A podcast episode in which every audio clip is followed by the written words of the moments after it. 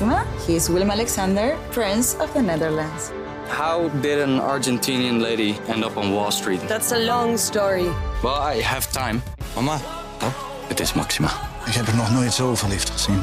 Screw everyone. All I care about is you. Maxima. Vanaf 20 april alleen bij Videoland. Vraag je, wat doen jullie eigenlijk als je halverwege de film in een bioscoop eh, moet plassen? Ik heb mijn eh, plasspier getraind om eh, minimaal een uur eh, vol te houden. Terwijl ik eh, heel nodig moet. Ja? Gewoon echt Dat was- een militaire training gevolgd daarvoor? Ja, dat moet wel, want al die films die drie uur duren. Ja, ze worden steeds langer ook. Ja, ik ren er toch op een gegeven moment gewoon even uit. Ja? Op het moment dat ik denk dat het een, eh, een zwak... Ik zit altijd even te plotten hoe ik er dan uit ga lopen. Ja. Maar, eh, maar het gebeurt mij regelmatig, omdat ja, ik me- meestal wel een eh, flinke bak popcorn wil wegwerken. En daar hoort dan ook een eh, grote maat Cola Light bij. ja, en dan, oh, dan kan je net geweest zijn, maar dan moet je... Nou, ja, zo gaat dat al. Ja, dus ik, soms geef ik, doe ik het gewoon, want anders kan je ook niet meer echt van de film ja, genieten. maar dan, dan laat, je, laat jij dan ook een spoor van vernieling achter. Als je, je zit uiteraard middenin voor het beste beeld. En dan moet je langs 10, 20 mensen. Ja, nee, ja, dat probeer ik zo elegant mogelijk te doen. Maar dat lukt de ene keer beter dan de andere. Ik was vorige week bij de première van The Lord of the Rings, The Rings of Power in Londen. Dus met de acteurs en Jeff Bezos himself allemaal in de zaal. En het liep enorm uit. Dus halverwege de twee afleveringen die we moesten kijken, dus gewoon twee uur zitten. Ja, ik, ik kon het niet meer. Mijn benen zaten helemaal als een, als een wokkel in elkaar zo ge- gedraaid. Dus ik zei, ja, ik, ik, ik ga er gewoon voor. Dan moet je twee dingen van mij weten. Eén, ik ben, ik ben een aardig fors persoon. En twee, ik ben door meerdere mensen beschreven als de lompste persoon ooit. Dus colaflesjes vlogen door de lucht. eh, popcorn viel. eh, ik trapte op mensen hun tenen. Dus Het, het grappige is dat Jeff Bezos nu een verhaal heeft van... Ja, ik was bij die eh, première en opeens liep er dus iemand door het sorry, beeld. sorry Jeff.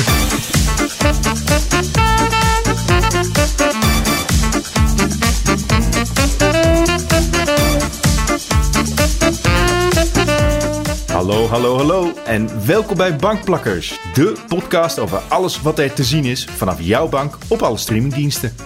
Mijn naam is Peter Koelewijn en mijn favoriete Elvis Presley nummer is A Little Less Conversation, A Little More Action. Eh, dan heb ik het over de remix van Junkie XL. Dat was een enorme hit op, eh, toen ik op de middelbare school zat.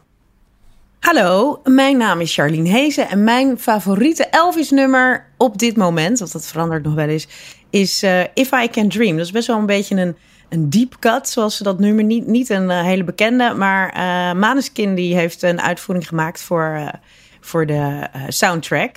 En, ehm, Hmm. Van, van de film? Per se, van de soundtrack van de film Elvis, ja. Dus toen was, werd ik weer even opnieuw eh, geïntroduceerd. En ik, dat, sindsdien zit hij eh, lekker in mijn hoofd. Lekker. Heel dramatisch nummer. En eh, ik ben Ruben Praster en ik eh, ga mij gelijk heel erg ongeliefd maken, want ik hou helemaal niet van Elvis Presley. En, en het enige Elvis liedje wat ik leuk vind, is geen Elvis liedje. Er is namelijk een eh, kerstliedje dat heel erg klinkt als het- Elvis. begrijp ik nu, dit is het enige liedje dat jij leuk vindt van alle muziek op aarde? Of? Van alle muziek van Elvis, Oké. dat ene kerstliedje van Mud is het volgens mij, die klinkt als Elvis, die vind ik wel leuk. Oké, dus eigenlijk niet, niet eens een Elvis nummer, maar een wannabe Elvis. Ja, Jemig. Oké, fijn dat ik het gevraagd heb. In eh, Bankplakkers bespreken we iedere aflevering wat er uitkomt op streamingdiensten, zodat jij precies weet wat je wil kijken als je op de bank neerploft. Ruben, jij bent deze keer eh, de derde gast, eh, of tweede gast. En jij bent ook teruggekomen van vakantie, begrijp ik. Ja, ik ben naar New York geweest en heb zoveel mogelijk in een week gepropt. Even twee, we- twee jaar inhalen.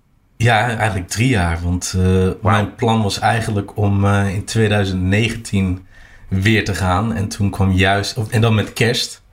En toen kwam juist natuurlijk eh, corona. Dat begon toen een beetje. Heb je tussendoor nog wel wat films kunnen pakken? In het vliegtuig of in de bios daar? Sowieso in het vliegtuig, maar ook in de bios daar. Ik heb onder andere de film Three, uh, 3000 Years of Longing gekeken. Oeh. Die komt pas hier in november uit. Dat is de nieuwe Idris Elba film. Nou, die was oké. Okay. En voor de rest, ze hebben daar een hele toffe bioscoop waarin het eten naar jou toe wordt gebracht. En dan niet zomaar popcorn, maar echt luxe shit. Dus ook luxe popcorn met uh, truffelolie en parmezaanse kaas. En uh, constant refill van je, van je cola. Dus dat... Uh, Het is net, het Dat is net als erg thuis. Het is net als thuis. Gewoon de, tru de truffel eh, eh, mayonaise. En wat is dan het allerleukste wat je in, in die week eh, gepropt hebt? Nou, ik hou er sowieso van om dan gewoon de stad in te gaan en dan echt te gaan lopen. Dus ik heb uh, echt Uptown uh, ontdekt en dan echt Uptown, Uptown, dus Washington Heights van, uh, van oh. 175th Street en dan een stukje naar beneden. Nog wat, uh, wat Uptown, onder andere waar um, Only Murders in the Building is opgenomen. Ik ben nog naar die, naar die gate geweest om te kijken van, oh, dus, dus zo ziet, ziet het er van buiten uit. Central Park natuurlijk. Um, nog wat Brooklyn uh, ontdekt. Daar heb je ook weer een park. En dat is dan juist naast die bioscoop. Coney Island heb ik gekeken. Uh, ik ben nog naar... Uh, natuurlijk, om, om het op zijn bankplakkers te houden... ben ik naar de Harry Potter theaterstuk gegaan. The Cursed Child. Nice. En natuurlijk naar Hamilton. En, oh, wow. En eventjes een, een, een tip voor iedereen die zoiets heeft van... hey, Hamilton lijkt me tof, maar... moet dan eerst naar New York. Nee, je hoeft niet naar New York ook niet naar Londen. Je kan gewoon op Disney Plus uh, Hamilton kijken. Lekker. Dus dat is mijn, uh, even mijn uh, snelle tip. Dat, is al, dat is al je eerste kijktip. Maar je, je hebt nog wat meer gekeken deze week, toch? Ja, dat klopt. ik heb Devil in Ohio ben ik aan begonnen op Netflix. daar kan ik het nu al gelijk over hebben als je wil. Nee, nee, nee. Ik wil eerst eventjes vertellen wat we nog meer op, op het menu hebben staan deze aflevering. Want hij is bomvol. Ik heb zelf The Lord of the Rings, The Rings of Power gekeken. De eerste twee afleveringen. Dus daar ga ik uh, zo meteen over los. En uh, Charlene, we hebben het al een klein beetje gespoild met de openingsvraag. Maar wat heb jij gekeken? Ja, naar Elvis. Elvis. Je had het al in de bioscoop gezien, maar hij is nu op HBO Max. Nice, ik ben heel benieuwd naar die. Maar uh, voordat we gaan leeglopen daarover. Ruben, wat is... Het nieuws. Nou, het uh, nieuws uh, is uh, dit keer een beetje juicy, wat meer, wat meer rottelerig. Juicy? nou, daar ben ik niet vies van. Namelijk, er is nu dan het filmfestival van Venetië. normaal is dat niet, heel, niet heel veel nieuws komt eruit. Er worden natuurlijk films ge geïntroduceerd en die winnen prijzen. En je krijgt dan een beetje het idee van, oh, dit gaat awards winnen. Maar dit keer was er heel veel ophef rond de film uh, Don't Worry Darling. Dat is uh, misschien niet heel bekend bij de meeste uh, mensen die, ja, die niet echt heel diep into movies zijn. Maar het is dus de nieuwe film met Harry Styles. Nou, ik denk dus, als ik even in de reden mag vallen, Ruben. Ik denk dat inmiddels dit deze ja. film door alle rumoer wel is doorgedrongen bij mensen die helemaal niks met deze film te maken willen hebben. Maar, en Harry Styles, dan heb je toch best wel de aandacht getrokken sowieso tegenwoordig al, toch? Ik ja. ben echt verbaasd hoe populair ik denk, die jongen ik denk is. Dat zelfs, uh, ik denk dat zelfs oma's in het bejaardentehuis uh, naar Harry Styles luisteren. Zo'n fenomeen is dat. Ja. Om wel even wat credits terug te krijgen. Uh, ik heb dan een hekel aan Elvis, maar ik vind Harry Styles vind ik wel, wel, wel ben ik, begin ik wel fan van te worden. Nou, ik denk dat hij best geïnspireerd is door Elvis. Want al die grote sterren zijn geïnspireerd door Elvis en hun jumps en zijn jumpsuits. Dus wat dat betreft uh, is maar het ben je, een cirkel weer ben je nog steeds Harry Styles fan na de Juice? Alleen maar meer en meer. Want, okay. want ik hou van juice. Uh, ik heb de popcorn met aioli er al bij. Maar, want, maar vertel, uh, vertel eens, wat, wat, is, wat is het? Wat is het? Popcorn met aioli. Het, uh, Sorry. Het, het, issue is dus dat er problemen zijn tussen hoofdrolspeelster Florence Pugh en regisseur Olivia Wilde. Oh. En er zijn wat roddels over wat er precies aan de hand is. Van, oh, um, dat Florence het niks vindt dat uh, Olivia Wilde uh, vreemd zou zijn gegaan met Harry Styles. Of het, het, dat er issues waren op, tijdens de set. Of dat er problemen waren dat, dat Florence Pugh zich als een diva had gedragen. Dat zijn allemaal, dat zijn allemaal de roddels. Dat is allemaal Oké, okay. maar, dat, dat, is, dat, maar dat is denk ik nog gebruikelijk. Of, of niet? Ja, maar tijdens uh, wat niet gebruikelijk is, en dat zagen we tijdens het filmfestival van Venetië, is dat die twee dus openlijk elkaar niet uit kunnen staan. dat ze niet eens in elkaars omgeving willen, willen zijn en elkaar niet aankijken en elkaar niet feliciteren. Wow. En wanneer ze dan een groepsfoto, dan staan ze allebei helemaal aan de andere kant. En nu krijg je dus ook kampen. Je hebt kamp Florence Met daarin Chris Pine, die ook een rol speelt in de film. Wauw. En kamp Olivia met eh, Harry Styles, haar, haar vriend. Nu is er dus een van de meest juicy dingen, letterlijk juicy. Een filmpje waarin het lijkt alsof Harry Styles op Chris Pine spuugt. Ja, ik heb hem gezien. Dat ja. zorgde voor nog meer, eh, nog meer roddels. Eh, het management van Chris Pine heeft er al wel op gereageerd en heeft gezegd van nou ja, er is niks gebeurd en het lijkt maar alsof. Maar ja, als je dat filmpje kijkt, eh, je Ja, ziet... hij trekt wel hele rare bekken. Want het klopt wel dat je ziet, tenminste, je ziet, ik zag niet iets vliegen qua spuug, maar je Nee. ziet wel dat er iets heel geks gebeurt en dat Chris Pine echt duidelijk zoiets denkt van, jeetje, motherfucker, wat doe je eh, Ja. nu? Als ik het zou mogen invullen. Ja. Ja, dus de, en er was ook een eerdere persconferentie waar, die, waar al over geschreven en dat hij gefotografeerd dat, dat Chris Pine alleen maar met zijn ogen zat te rollen en, en gewoon compleet disassocieerde, zoals Ja. ze dat omschreven. Dus dat hij passief soort van agressief eigenlijk. Ja, precies. Dat, er, dat het ongenoegen er is, dat is wel echt heel erg eh, Ja. te lezen. Maar wat ook nog, als ik nog even wat juice mag eh, het toevoegen. Want het begon inderdaad. Want Olivia Wilde was keurig getrouwd met Jason Sudeikis, waar ze twee leuke kindjes mee heeft. En eh, nou ja, tijdens de opnames heeft ze dus, hoe heet dat? Werd ze dus verliefd op Harry Styles. En heeft ze dus uiteindelijk ook Jason verlaten voor Harry Styles. En is ze echt. De, ik, ik herinner me de foto nog dat ze de, de auto staat in te pakken en regelrecht naar Harry is gekoerst. En daar is ingetrokken. Dus dat werd toch niet zo leuk bevonden. En Jason Sudeikis die heeft haar toen ook eh, scheidingspapieren. Want dat heb je in Amerika dan. eh, you're being served, eh, noemen ze dat dan. dan om te zorgen dat je echt de rechtdocumenten. Of, Ja, er komt dus echt een bezorger het persoonlijk aan Ja. jou overhandigen. Ja, maar die, en dat, omdat heel veel mensen die willen, die doen natuurlijk of ze de brievenbus niet openmaken. En dan, dat zijn dus mensen die je echt moeten overvallen op een moment nou ja, dat je het niet weet. En bij haar deden ze dat dus tijdens een, eh, een grote presentatie, volgens mij van deze film, waar ze dus enorm voor lul stond. Dus Maar dat is ook mij was eh, het een, of een soort van een uitreiking van een prijs of van een ja, dat theaterstuk was, of zoiets. Ja, zoiets was het. Maar het was in ieder geval heel gênant Heel om, dan je, publiekelijk. om dan je scheidingspapieren overhandigd te krijgen. Ik heb hier echt Marvel Cinematic Universe vibes nu bij. Het is gewoon de, de Civil War van, eh, van Hollywood momenteel. Ja, die arme Ted Lasso die eh, in de steek wordt gelaten voor Harry Styles. Dat, Ja, dat is een, eh, maar- een laag. Om, om terug te gaan op, op de Sorry, naar de roddels. film. Op, nee, op Ja. de roddels. De Oh, roddels, de roddels, ja. De roddels gaan al lange tijd dat Jason Sudeikis vreemd gaat. Eh, Dus- Nou, dat is, was trouwens Olivia. Want Olivia Wilde was echt woest over dat hele incident. En dat Jason echt wel wist wat hij deed. En dat ze echt niet zomaar bij hem is weggegaan. En dat er nog wel het Mhm. een en ander inderdaad...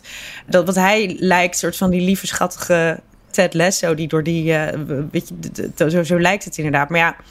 Je weet natuurlijk nooit wat er achter gesloten deuren plaatsvindt. Alleen dat krijgen we toch wel veel mee nu van op de, in het publiek. Maar ik vind het ook, het is bijna, want het is gewoon bijna een, een, het zal wel niet, maar het is gewoon bijna een stunt. Want ze hebben gewoon zoveel extra aandacht verworven Ja. door deze, en het al zijn, deze het zijn allemaal hele populaire acteurs. Populaire celebrities ook. Met hoge gunfactor. Florence Pugh, Harry Styles zijn denk ik twee van de grootste namen in Hollywood momenteel. En Chris Pine en Olivia Wilde zitten daar niet ver onder. Ja, het is echt een eh, soort battle of the fans ook lijkt het. Maar heb jij hem al gezien, Ruben? Ja, maar waar gaat die film eigenlijk over? Dat, dat is het, het verhaal is nog een beetje vaag. Ik heb hem nog niet gezien. Eh, mijn collega Klaas heeft hem wel gezien. Die eh, was niet heel positief. Eh, hij Nee. vond dat het, eh, dat het einde nogal eh, van de rails eh, afging. Het verhaal is ook nog een beetje vaag. Het gaat over een eh, vrouw die met haar eh, echtgenoot in een eh, soort van ideaal dorpje gaat wonen. Hij werkt in de buurt en ze worden dan met dat bedrijf worden ze naar dat dorpje gehaald. Alles lijkt perfect, maar achter de schermen gaat er van alles mis natuurlijk. Dus eh, dat is een beetje de setting eh, voor het verhaal. Ik geloof dat Olivia Wilde het omschreef als, als een combinatie van, eh, van The Matrix en The Truman Show en, en Stepford Wives. En wat ik een leuk detail vind is dat het huis waar het is opgenomen, dat is het ehm, dat beroemde Kaufman House. Dat is van in Palm Springs. Dat, als je je die, die foto's van Slim Aarons, dat is zo'n fotograaf uit de jaren 60 die allemaal van die mooie plaatjes heeft bij een echt zo'n mid-century modern Palm Springs huis met, met een setting met allemaal een beetje eh, ja, mensen mooie of modernistisch? Nee, meer eh, ja, mid- mid-century eh, stijl. Dus, ehm, Maar het is gewoon, ja, denk ik, hoe, alle huizen in. Ja, precies. Hoe de huizen in Palm Springs eruit zien, eh, zeg maar jaren 60. En dan zijn die foto's, die zijn altijd bij een zwembad. En dan zie je altijd, weet je, met mensen die backgammon aan het spelen zijn in mooie eh, gewaden langs het. eh, gewoon van die hele mooie jaren 60 Ja. plaatjes eigenlijk. En in dat huis eh, dat, eh, hij, hij is dit op, of onder andere opgenomen. Dus de, het decor is in ieder geval, al- was in ieder geval al genoeg voor mij om mijn aandacht te hebben. Ja, en als de, film, eh, als de film waardeloos is, dan hebben we altijd nog het Venice Film Festival. Wanneer draait hij in de bioscoop, eh, Ruben? Don't Worry, Darling? 22 september. Dus dan kunnen we allemaal zien. eh, Ja, Ga ik toch even kijken, ja. toch even slechten hoe slecht die echt is. Nou, dan gaan we van één epische clash door naar de volgende epische clash met prachtige mensen. The Lord of the Rings, The Rings of Power. De nieuwe serie op Prime Video. En ik kan veilig zeggen dat het hun grootste release ooit is. Misschien zelfs de grootste serie ooit. Want eh, je leest overal dat het budget alle records verbroken heeft. Die eh, Jeff eh, Bezos van Amazon die schijnt eh, best wel wat eh, cent te hebben.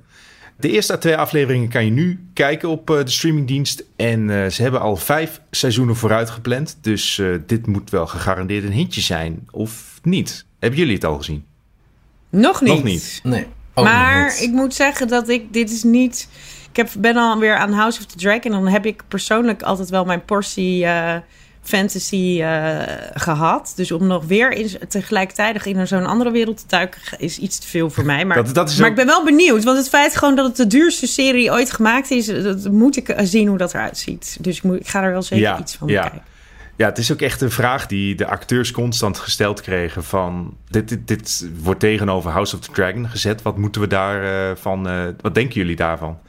Het was er altijd zo van... Ja, we zijn ook fan van Game of Thrones... maar dit, dit, dit kan gewoon zijn eigen dingetje zijn. Ja, ik ben voorzichtig optimistisch hierover. Ik zal jullie anders een beetje achtergrondinfo geven. De, de Rings of Power eh, speelt zich duizenden jaren voor de Lord of the Rings boeken en films af. Want in het verleden hadden de mensen in Middle-earth en de elfen en de dwergen prachtige grote steden. Zoals Númenor en Khazad-dûm en zo. Of eh, beter bekend als Moria. En, en er was ook bijna wereldvrede. Dus ja, wat is daar toen mee gebeurd? J.R.R. Tolkien, de schrijver, die heeft dat nooit helemaal kunnen uitschrijven. Die had gewoon een stapel aantekeningen.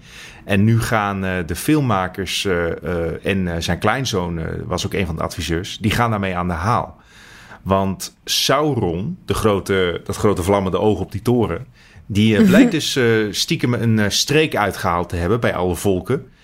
Hij heeft eh, ze een eh, serie magische ringen als cadeautjes gegeven met allerlei coole krachten. Alleen wat hij ze niet vertelde was dat hij een geheime laatste ring smeedde en dat hij zijn wil aan hen allemaal opdrong. En dat is de One Ring to Rule Them All van de titel die Frodo krijgt. Snappen jullie het al? Ik geef de beurt aan Ruben. Nou, ik heb dus altijd al geworsteld met dat hele concept van die ring. Ik vond dat zo stom. En dat je Sauron, en dat is dan een brandend oog. Wat moet, hij- wat moet hij met een ring? Hij kan die ring niet dragen. Ja. Wat, wat, Nou, hij, hij, hij moet nog verschijnen in de eerste twee afleveringen.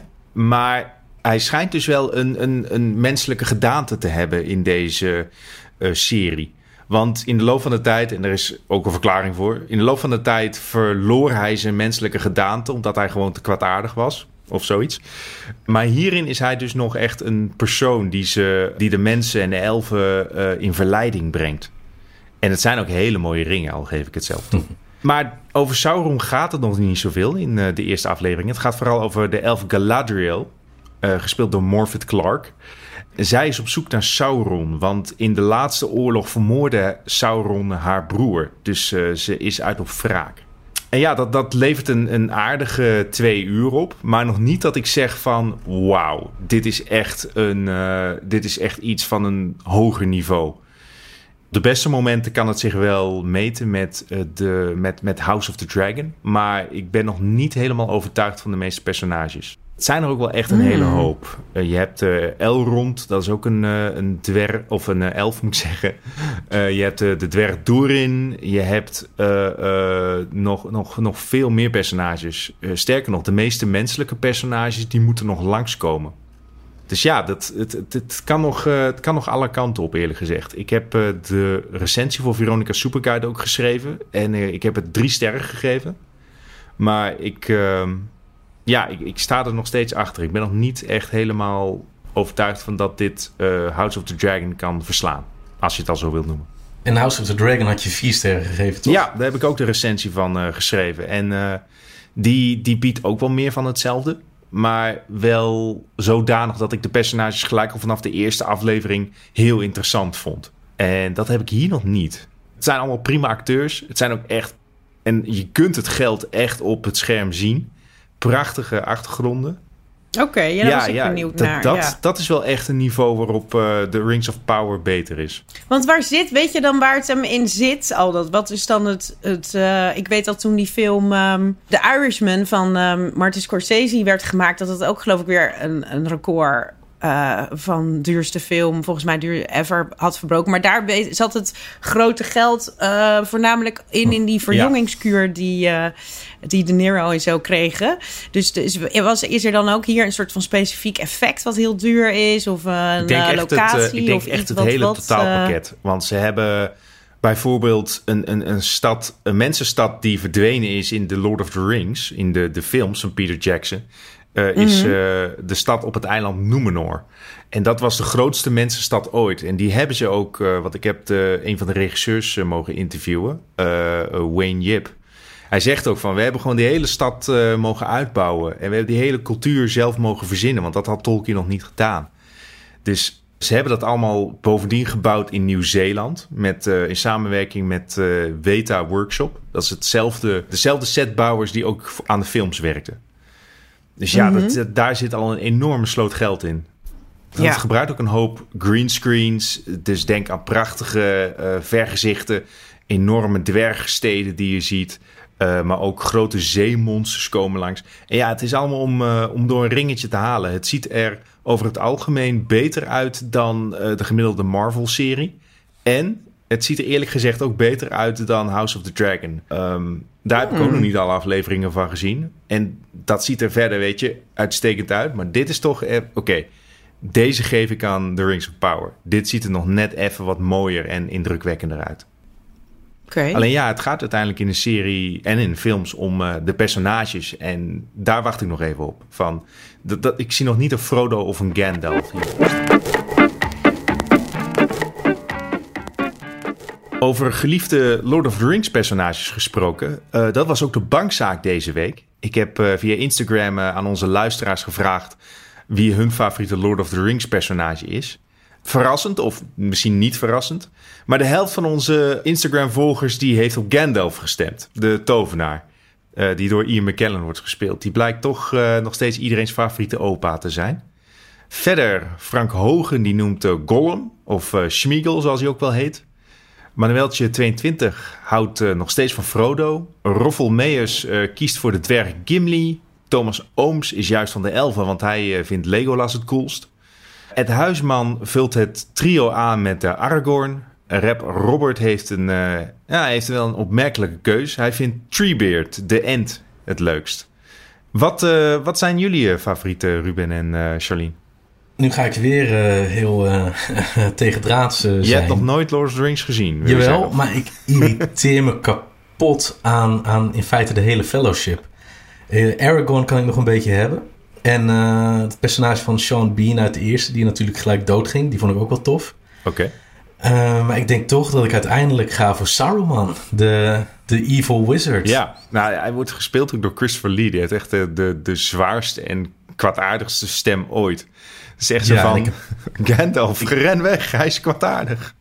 En ik heb ook wel echt een zwak voor Christopher Lee. En volgens mij was het ook in deze film waar een hele bekende anekdote uh, vandaan komt. Uh, Peter Jackson, uh, die wilde een scène opnemen waarin dan iemand werd doodgestoken door een... Um, iemand werd doodgestoken. Okay. En toen ging het om, oké, okay, wat voor geluid maakt zo iemand dan? En uh, dat was een soort van ah, of zoiets. En toen zei Christopher Lee van uh, nee, zo'n geluid maakt iemand niet uh, als je hem doodsteekt. Omdat hij tijdens de Tweede Wereldoorlog was hij lid van een speciale eenheid commando's waar Ian Fleming, de schrijver van James Bond, ook bij zat. Dus Christopher Lee weet uit eerste hand hoe het klinkt wanneer je iemand doodsteekt. Holy shit. Oké, oké. Saruman is nu ook mijn favoriet. En Charlene? Ik heb één keer één Lord of the Rings film gezien, denk ik. Uh, en verder zit ik er niet zo lekker in. Maar ik, ik denk dat mijn uh, eerste wat in me opkomt is ook Smeagol. Omdat ik dat gewoon een leuk, leuk, ook een leuk scheldwoord vind. Voor als je Smeagol. een, een onderkruipsel van een vent tegenkomt, dan uh, noem, wil ik die nog wel graag een, een Smeagol noemen. Ja. Dus ja, dat is, dat is mijn favoriet. Nou, ik heb toch een van de helden als, een, als mijn favoriet. Dat is dan Samwise Gamgee. Ik, ik vind de acteur Sean Astin sowieso heel erg goed in die rol.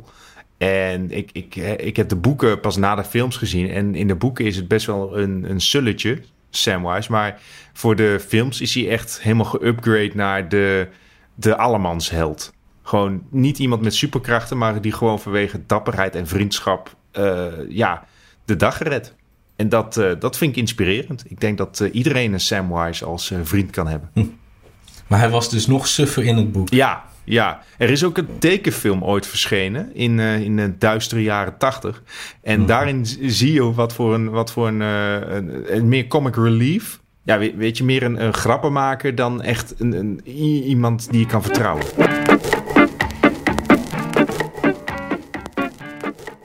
Oké, okay, tot zover de Rings of Power. Laten we het even hebben over iets vrolijkers. The Devil in Ohio. Ja, die uh, heb ik gekeken. Uh, The Devil in Ohio, dat is een uh, Netflix-serie, een nieuwe Netflix-serie. nu alweer een heel groot succes op de streamingdienst. Terwijl het echt nul hype had. er was één trailertje van en die kwam een week voor de release was die beschikbaar. Mm -hmm. Het verhaal gaat over een psychiater. gespeeld door Emily Deschanel. Die ken je misschien nog uit Bones.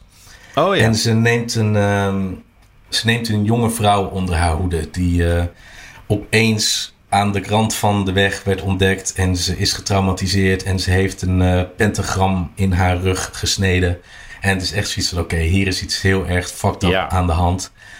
Uh, en ze wil dat jonge meisje of jonge vrouw, die wil ze helpen. En uiteindelijk heeft ze zoiets van, nou ja, we kunnen je nu niet in een, een pleeggezin stoppen, dus kom maar bij mijn gezin wonen. En uh, dan uh, gebeuren er steeds uh, langzaam rare dingen. Waardoor je zoiets hebt van: oké, dit was misschien toch niet zo slim. Ik heb nu twee afleveringen gekeken. mijn collega Klaas die heeft het hele seizoen gerecenseerd. Dus die kan je vinden op Superguide, vrolijkesuperguide.nl slash recensies. En hij gaf hem twee sterren en daar ben ik het ook wel mee eens. Het is, het is eigenlijk een serie over een satanistische secte. Maar de, het mist scherpe randjes, het mist creepiness, het mist bloederigheid. Het, uh, het is allemaal te... Kortom, alles wat een serie leuk maakt eigenlijk. Nou, wat zo'n serie leuk zou moeten maken. Het is heel erg zo'n soort van... Um, ik zou niet willen zeggen Hallmark. Maar als Hallmark Oei. een thriller zou maken...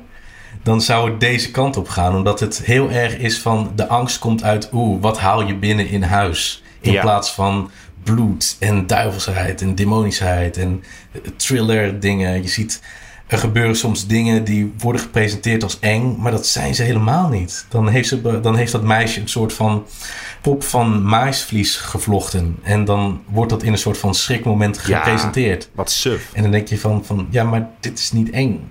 En als je het wel eng wil maken, dan moet je er verder in gaan. Het is allemaal braaf. En ik, ik denk wel dat als je bijvoorbeeld True Detective eng vindt, Mhm.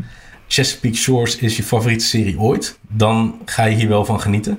Maar als je bijvoorbeeld wel van True Detective houdt, dan eh, zou ik eerder gewoon nog een keer True Detective seizoen 1 eh, kijken. Waar- waarom Want denk je... die heeft dus wel echt die sfeer. Of kijk een film als Hereditary, want daarin gaan ze dus wel... Waarom denk je dan dat deze serie zo goed scoort op Netflix?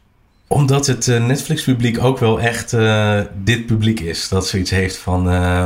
die zitten niet echt te wachten op een nieuwe True Detective. En hebben meer zoiets van... hey, dit klinkt wel tof. Laten we het kijken. Oh, dit is best wel spannend. En eh, dat je het dan twee dagen later alweer vergeten bent... dat, dat maakt het Netflix-publiek niet uit. Want dan kijken ze gewoon weer iets nieuws. Wat, Ja. eh, wat wel oké is. Dus, dus het is eigenlijk een beetje trashy, snap ik. Maar of een beetje eh, simpel. Maar Was het maar trashy? Weet je, was het maar een beetje dat je echt denkt van... Oh nee, zo over de top en campy. en, nee, het is gewoon allemaal ja, braaf. niet het juiste woord. Het is iets Hmm. te braaf dus. Het is eh, satanisme voor softies. Volgens mij had Klaas eh, ook zoiets eh, gezegd in zijn... Ja, hij, hij had geloof ik ook in zijn recensie gezegd dat Satan hier niet vrolijk van wordt. nee. Nee, dat, dat, dat wil je natuurlijk niet. Ja, dus het is eigenlijk gewoon een beetje een brave, alledaagse, middle-of-the-road serie. Ja, en wel als thriller gepresenteerd. Gelukkig En- hebben de Netflix-luisteraars eh, onze podcast, zodat wij ze kunnen waarschuwen hiervoor. Wilde je verder nog wat over eh, kwijt? Nee, nee. Ik heb eh, wel meer dan genoeg gezegd over Devil in Ohio. Ga je verder kijken? Nee. ik ga op, ik ga op. Wikipedia lezen wat, eh, wat in de laatste aflevering gebeurt. Charlene, ik was redelijk enthousiast over mijn serie. Ruben helemaal niet. Ga jij ons eh, redden met een eh, goede tip? Ja, ik ben wel enthousiast. Over Elvis, toch? Over Elvis, ja. Jij, niet, jij hebt hem ook gezien, toch? Ja, ja, ik heb hem eh, dit weekend gezien. En eh, eerlijk gezegd, ik, ik ben dol op deze film. Nou ja, nee, ja, ik ook eigenlijk wel. Ik, ehm, ik heb hem, eh, dus ik heb hem inderdaad ook nog een keer aangezet. Ik had hem al in de bioscoop gezien. Ik vond het een hele fijne, vermakelijke film. Het is dus eh, een Baz Luhrmann film, wat, eh, nou ja, die we kennen van uiteraard van Moulin Rouge is wel zijn grootste succes. Romeo en Juliet, Australia, dat is geloof ik een beetje een flop. Maar het zijn in ieder geval altijd hele grote, bombastische, kleurrijke muzikale films Hyper, die hij maakt. hyperactief ook, heb ik het als woord. Het is echt een heel hoog tempo heeft, heeft de film. Ja, nee, het zijn geen. eh, want het is best een lange film, geloof ik. Maar er gebeurt. Ja, Wat 2,5 dat uur. betreft. Nee, het is, er zitten geen eh, eh, momenten in dat je denkt: oh, dat had er wel uitgekund. Dat, tenminste, dat, dat niet zo snel. En het vertelt dan ja, eigenlijk gewoon het levensverhaal van Elvis. Het, de grootste popster ooit, ooit geleefd. Nou, misschien, misschien dat Michael Jackson een beetje naar de Ja. kroon heeft. eh, Je, je, eh, hoort, je hoort op het eind eh, de Jackson 5 op de radio. Van dat, dat die net doorbreken. Oh ja. Dus het is ja, net ja, een ja. generatie eh, kloof. Maar je ziet hem inderdaad als jong broekie. Helemaal tot aan dat hij eh, morbide obese eh, in, in Las Vegas optreedt. Ja, dat laatste, ehm, want ik heb toevallig dat die op YouTube dat stukje teruggezien. Dat laatste moment dat hij, dat hij ehm, achter de piano, en dus me even ontschoten welk nummer het exact is, maar achter de piano zingt met zo'n inderdaad zo'n hele grote, dikke, opgezwollen hoofd van de drank en de pillen en, en gewoon simpelweg vreten. En, ehm, en dat hem zo'n microfoon, maar dat hij nog wel eigenlijk echt steengoed zingt. Ja, maar dat was als een dijk. volgens mij wel, viel die daar een paar dagen later. eh, Ik was, ik eh, was wel om. blij dat, dat ze zijn, zijn obese periode echt op het allerlaatste moment pas eh, pakte. Want ik zag eh, acteur eh, Austin Butler, zeg ik geloof. Butler. Ja. Die zag je Ja. dus in zo'n dikmaakpak. En daarvoor speelt Tom Hanks speelt zijn Nederlandse manager met een heel slecht Nederlands accent. En ik had Ja. echt, ik ben, ik ben echt verpest door Austin Powers. Ik schoot gewoon in de lach.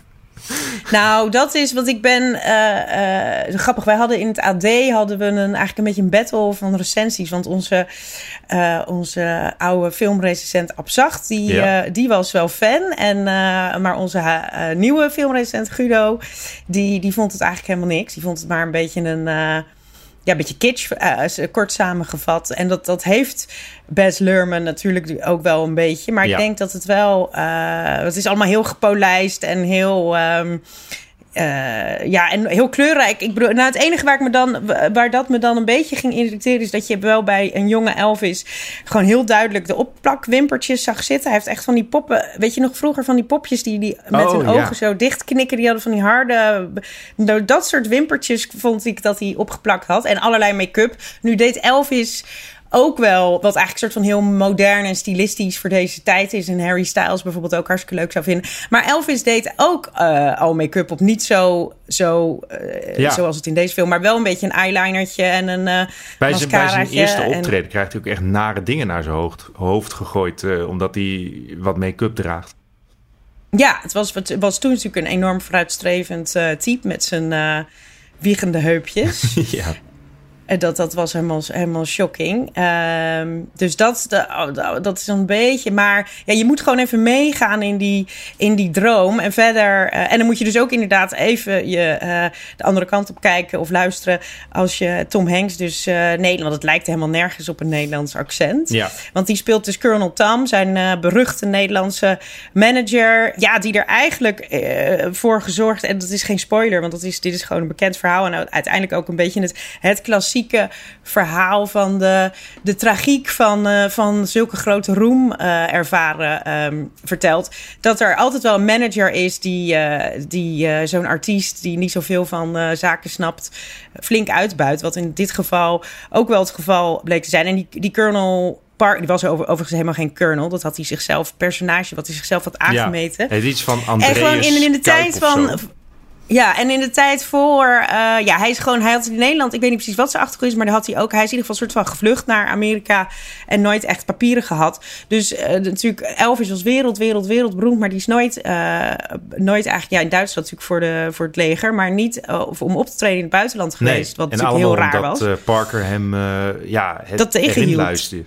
Steeds Ja, die hield het- die heeft het altijd-. Ja, maar die kon. de- En wat de reden daarvoor was, is dat hij nooit het land uitgekund had, omdat hij een paspoort had. Dus dat had toen allemaal uitgekomen.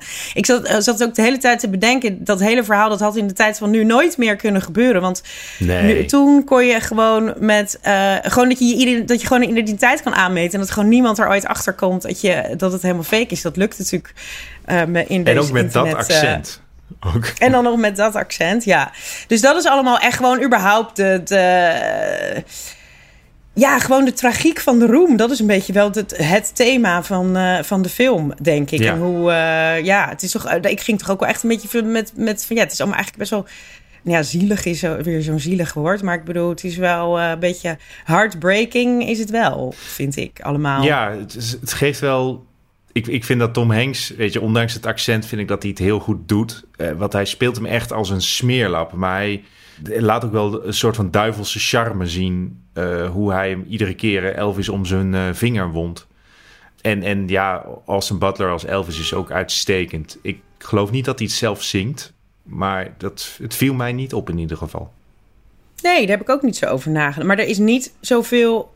Waarschijnlijk als hij dat wel deed, dan hadden, we dat wel, dan hadden ze er wel voor gezorgd dat wij dat geweten hadden. Zoals bijvoorbeeld toen met Reese Witherspoon en eh Joaquin Phoenix. Die zongen wel zelf volgens mij, toch? Ja. Of ga ik nu de fout in? Ik nou, Reese in ieder geval weet ik dat hij volgens mij zelf... Of, oh, dat moet ik toch even factchecken of ik nu niet... Een, eh, ik, dat Ja, was het eerste maar- voorbeeld wat in me opkwam. Ik maar, weet in Rocketman, eh, eh, de acteur, ik ben even zijn naam kwijt, die Elton John speelde, die ja, deed het ook. eh, ja. Oh, hij ligt op het puntje van mijn tong. Taron Egerton. Taron oh. Egerton. Ja. Die heeft inderdaad wel zelf gezongen, omdat hij ook... eh, sowieso hoor je zijn stem. toch? Ja. Oh ja. Ja, hij zat ook in Sing, eh, deed hij de, de zangstem van eh, die gorilla. Ja, het, het geeft toch altijd een beetje extra, extra waarde aan een, eh, aan een verfilming van een, van een muzikant, een biopic.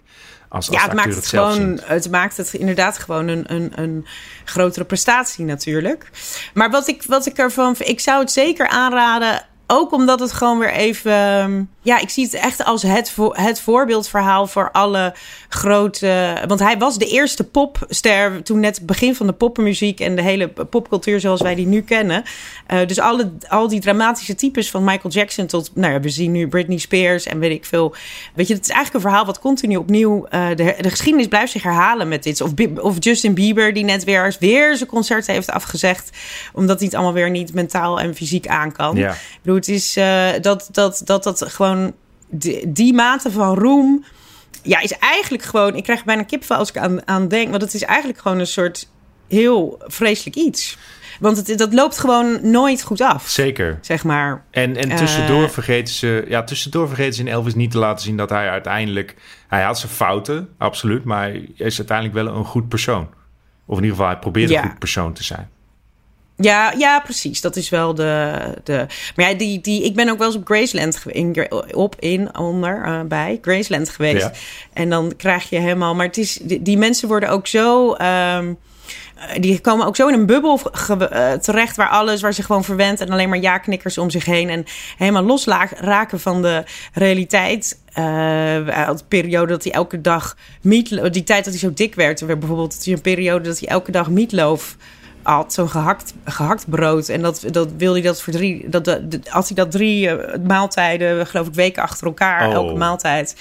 En heel veel ehm, pillen, maar gewoon geen, weet je, je kan natuurlijk zo gek, dat zie je ook met Britney of met zoveel van die sterren. Ze kunnen zich, eh, ze mogen zich zo gek gedragen als ze maar willen. Als ze maar, als, het, als de showpony op tijd op het podium in Vegas, trouwens ook weer een, een, een ehm, band met, met Britney, zeg maar. Want die moest ook performen als in Vegas, Ja. terwijl dat er geld. Dus dat is. Natuurlijk. Ik vind dat wat dat betreft is het wel een hele interessant, heel interessant verhaal om eh, ook naar huidige sterren te kijken, vind ik. Elvis, hij staat nu op welke streamingdienst?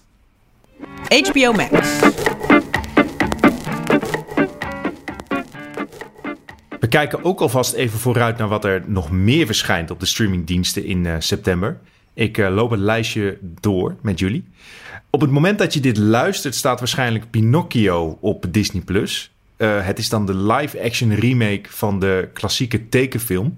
En eh, Tom Hanks heeft hier ook wat eh, protheses op, want hij speelt Geppetto, de vader van eh, Pinocchio. Ruben, jij had hem al gezien, toch? Ja, inderdaad. En, eh, het is echt eh, een kopie van eh, het origineel. En dat is eh, nou ja, niet echt een eh, slimme zet. Want het origineel is uit 1940. Ja. En je merkt wel echt van... Oké, dit is een redelijk saaie film... die pas eh, na een half uur eh, een beetje interessant wordt. En dan... eh, zijn alle scherpe randjes er ook nog afgehaald. Eh, zoals in het origineel, dan heb je die kinderen, dat zijn echte rotjochies die dan op Pleasure Island Ja. en dan roken ze en dan drinken ze. Die film en dan Ja, dat weet ik nog. Dat vond ik altijd de spannendste scène. Ja. eh, Als ze dan die ezeltjes eh, veranderen, toch? Ja, Ja, dat was echt dat- eng ook. Ja, Ja, dat- dat is precies. Ja, dat vond ik ook altijd wel een beetje eng. precies. En daarom is dit een stuk minder eng gemaakt. Roken ze geen sigaren, maar eh, drinken ze limonade. Oh. En heb je een, eh, music, Auw. een musical liedje van eh, de, de coachman. Die, eh, die zingt dan van, eh, hoe ze, om ze te overtuigen om toch maar eh kattenkwaad uit te halen. En dan eh, die scène waarin die in een ezel verandert. Dat is dan ook minder eng gemaakt. Eh, niet, zo, niet echt komisch, maar wel dat je niet zo traumatiserend als in het origineel. Dat je ook gewoon echt die paniek eh, toeslaat. Ja. Hier is het meer zoiets van, huh? Verander in een ezel, wat gek. En dus, Of is het dat jij nu een stukje ouder bent en dat je het wat meer beter kan handelen allemaal wat er gebeurt? Nou, ik zat dus weer eventjes eh, te checken van hoe was die originele scène. En eh, toen bracht dat allemaal wel weer eh, Ja, trauma's naar boven. Gevoelens? Oké. Het- oké. het dus is- het is- niet, een, niet een aanrader, eh, begrijp ik. Nou, het is dan is- echt voor heel erg voor kinderen klinkt het dan. denk Maar ik denk dat die het heel saai zullen vinden. Hmm. Omdat ze dan Zo, zoiets hebben van... Oh, waarom danst deze oude man met een marionet zo lang?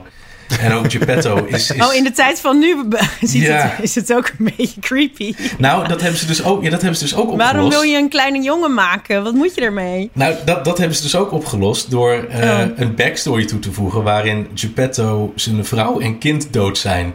En hij mist dus heel erg zijn dode zoontje. En maakt dan een soort van vervanging eh, Hmm.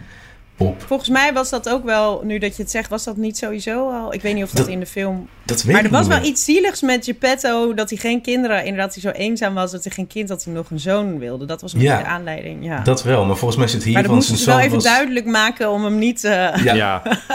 een viespeuk te laten. Laten we dan naar... eh, ik heb nog een magische serie die deze week verschijnt. Misschien wordt die beter.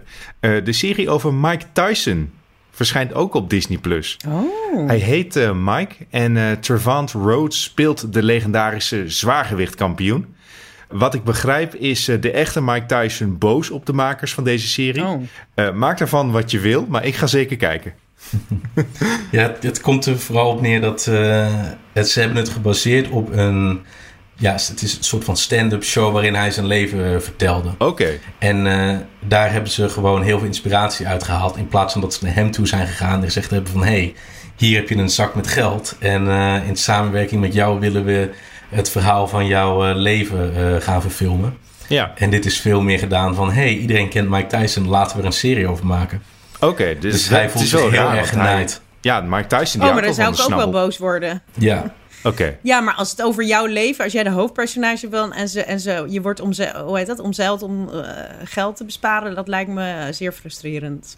Ja, terwijl als ik dan kijk naar Trevante Rhodes, die zet een geweldige Mike Tyson neer. Dat is echt eh, heel indrukwekkend. Vooral omdat Mike Tyson is al heel snel een soort van karikatuur. En om dat dan toch nog gewoon echt een levensecht persoon van te maken, dat is eh, een hele lastige klus. Dus ik begrijp dat En jullie ook eindigen we ook wel in dat, oh dat weet je misschien niet, maar of de- in zijn lieve, want hij heeft nu een beetje, nou ja, ondanks, al had ik die jongen ook op zijn bek geslagen in het vliegtuig, die die nog even per tik heeft gegeven. die verdiende ze volledig. Maar bu- buiten dat is hij natuurlijk nu een hele zachtaardige, wietrokende, chille gast geworden. Is dat zo? Ik ik dat zou nog nog? steeds geïntimideerd zijn door hem hoor. Maar misschien ligt dat aan mij. Ja, Ja, volgens mij. hij- Maar hij is, heeft zijn eh, eigen wietlijn ook, hè? Of eigen wiet, Ja. wietstrain. Hmm. Ja, dus hij is wel, hij probeert wel het ontspannen, geloof ik. Oké, dat, Ja, dat is zijn goed eigen voor je. podcast. ook. En, eh, in feite is Mike Tyson onze concurrent. Ehm, Oké. Maar dus we eh, moeten hem vooral niet boos maken. Oké. Nee. ehm, Oké, ik ga eh, voorzichtige aanbeveling dus. Dan gaan we door naar de volgende, over vechten gesproken. Op eh, Netflix verschijnt deze week Cobra Kai seizoen 5. eh, op 9 september om precies te zijn. Het eh, laatste seizoen eindigde daar eh, met een flinke cliffhanger. Want Cobra Kai won die All Valley Karate Kampioenschap. En ze hadden ook een afspraak gemaakt dat de verliezende dojo's opgedoekt zouden worden. Oftewel, Miyagi-Do en Eagle Fang bestaan niet meer. En eh, iedereen lijkt iedereen te bedriegen. Drama en karate. Wat heeft een serie nog meer nodig? Door naar de volgende. Ik ga hier ietsje sneller doorheen. Eh, Netflix knalt verder op woensdag 14 september met de terugkeer eh, van Heartbreak High. Het is een remake van een klassieke jeugdserie uit de jaren 90. Dan eh, op Videoland start donderdag 15 eh, september het vijfde seizoen alweer van The Handmaid's Tale. En HBO krijgt op diezelfde dag alle eerdere seizoenen. Dus de voogdij wordt gedeeld tussen de streamingdiensten. Vrijdag 16 september komt op Netflix het tweede seizoen van Fate The Wings saga. Nog steeds een van onze best gelezen recensies op Veronica Superguide. Want fans waren het niet eens met de twee sterren die eh, onze collega Robin eraan gaf. Ik kan eh, bij deze al bevestigen dat hij ook het tweede seizoen gaat recenseren. En uiteraard, eh, professionele journalist als hij is, geeft hij het gewoon een eerlijke kans. Dus het kan nog alle kanten op. Op eh, woensdag 21 september keert eh, Star Wars terug met een nieuwe Disney Plus serie, Andor. Die gaat over, de gelijk, over eh, het gelijknamige personage gespeeld door Diego Luna. Je kent hem misschien van de film Rogue One. Maar verder houdt Disney de kaarten nog stevig tegen de borst over deze serie. Dus ja, ik, ik ben wel benieuwd naar deze weer. Donderdag 22 september keert Disney's andere mega franchise terug. The Kardashians seizoen 2 is dan eh, aan bod. Eh, ik geloof ook dat Pete Davidson nog steeds van de partij blijft is. toch grappig als je, als je zegt dat de Kardashians Disney-sterren zijn, hè? ja. Want we vergeten natuurlijk nooit waar ze vandaan, eh, ko- waar we ze ook weer van kennen. Ja, ik durf, ik Dus durf is- zo, hebben, ze het, hebben ze toch best, best leuk voor elkaar eh ik denk dat je nog wel verder kan gaan en kan zeggen dat het Disney-prinsessen zijn. Mm, zeker, Ja, zeker. Inderdaad, ja. Hoort eh, nu officieel bij de Disney Princess Canon. Dat, eh, dat zie ik zeker. Dan gaan we naar het einde van september. Donderdag 29 september om precies te zijn.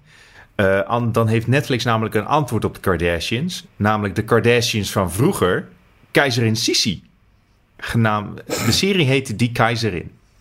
En dan heb ik nog als laatste een kijktip op Videoland. Op vrijdag 30 september komt Moeder Mafia. En dat is een nieuwe komische dramaserie over de onzekere moeder Daan. Zij dreigt haar zoontje namelijk te verliezen aan de stiefmoeder from hell, Monique. En dan moet je niet denken aan een kwaadaardige stiefmoeder, maar gewoon aan eh, de perfecte stiefmoeder. Dus eh, Daan eh, moet haar onzekerheid zien te overwinnen en haar moederskills verbeteren om haar zoontje terug te winnen. Dat waren de grootste releases van september. En dat was hem ook voor deze podcast. Jolien en Ruben, ik kan nog maar één ding tegen jullie zeggen. Thank you. Thank you very much. Oh, die was best goed. Dank je. nou, super bedankt weer voor eh, deze toffe aflevering van Bankplakkers. En eh, natuurlijk wil ik ook eh, onze luisteraars een dikke dankjewel aanbieden.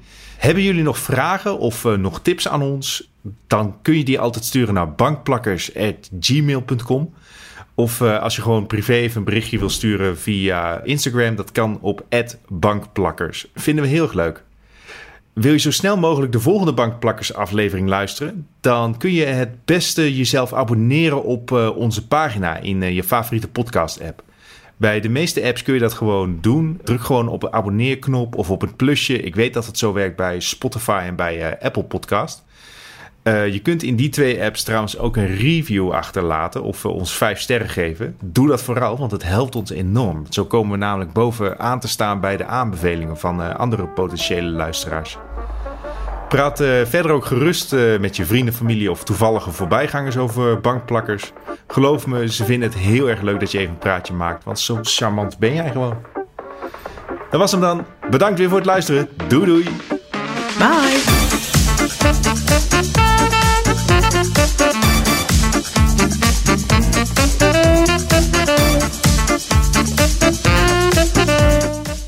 Bankplakkers is een podcast van Veronica Superguy. Ik was jullie host, Peter Koelewijn. Mijn gasten waren Ruben Praster en Charlene Hezen. En de editing wordt gedaan door montagemeister Art Kok.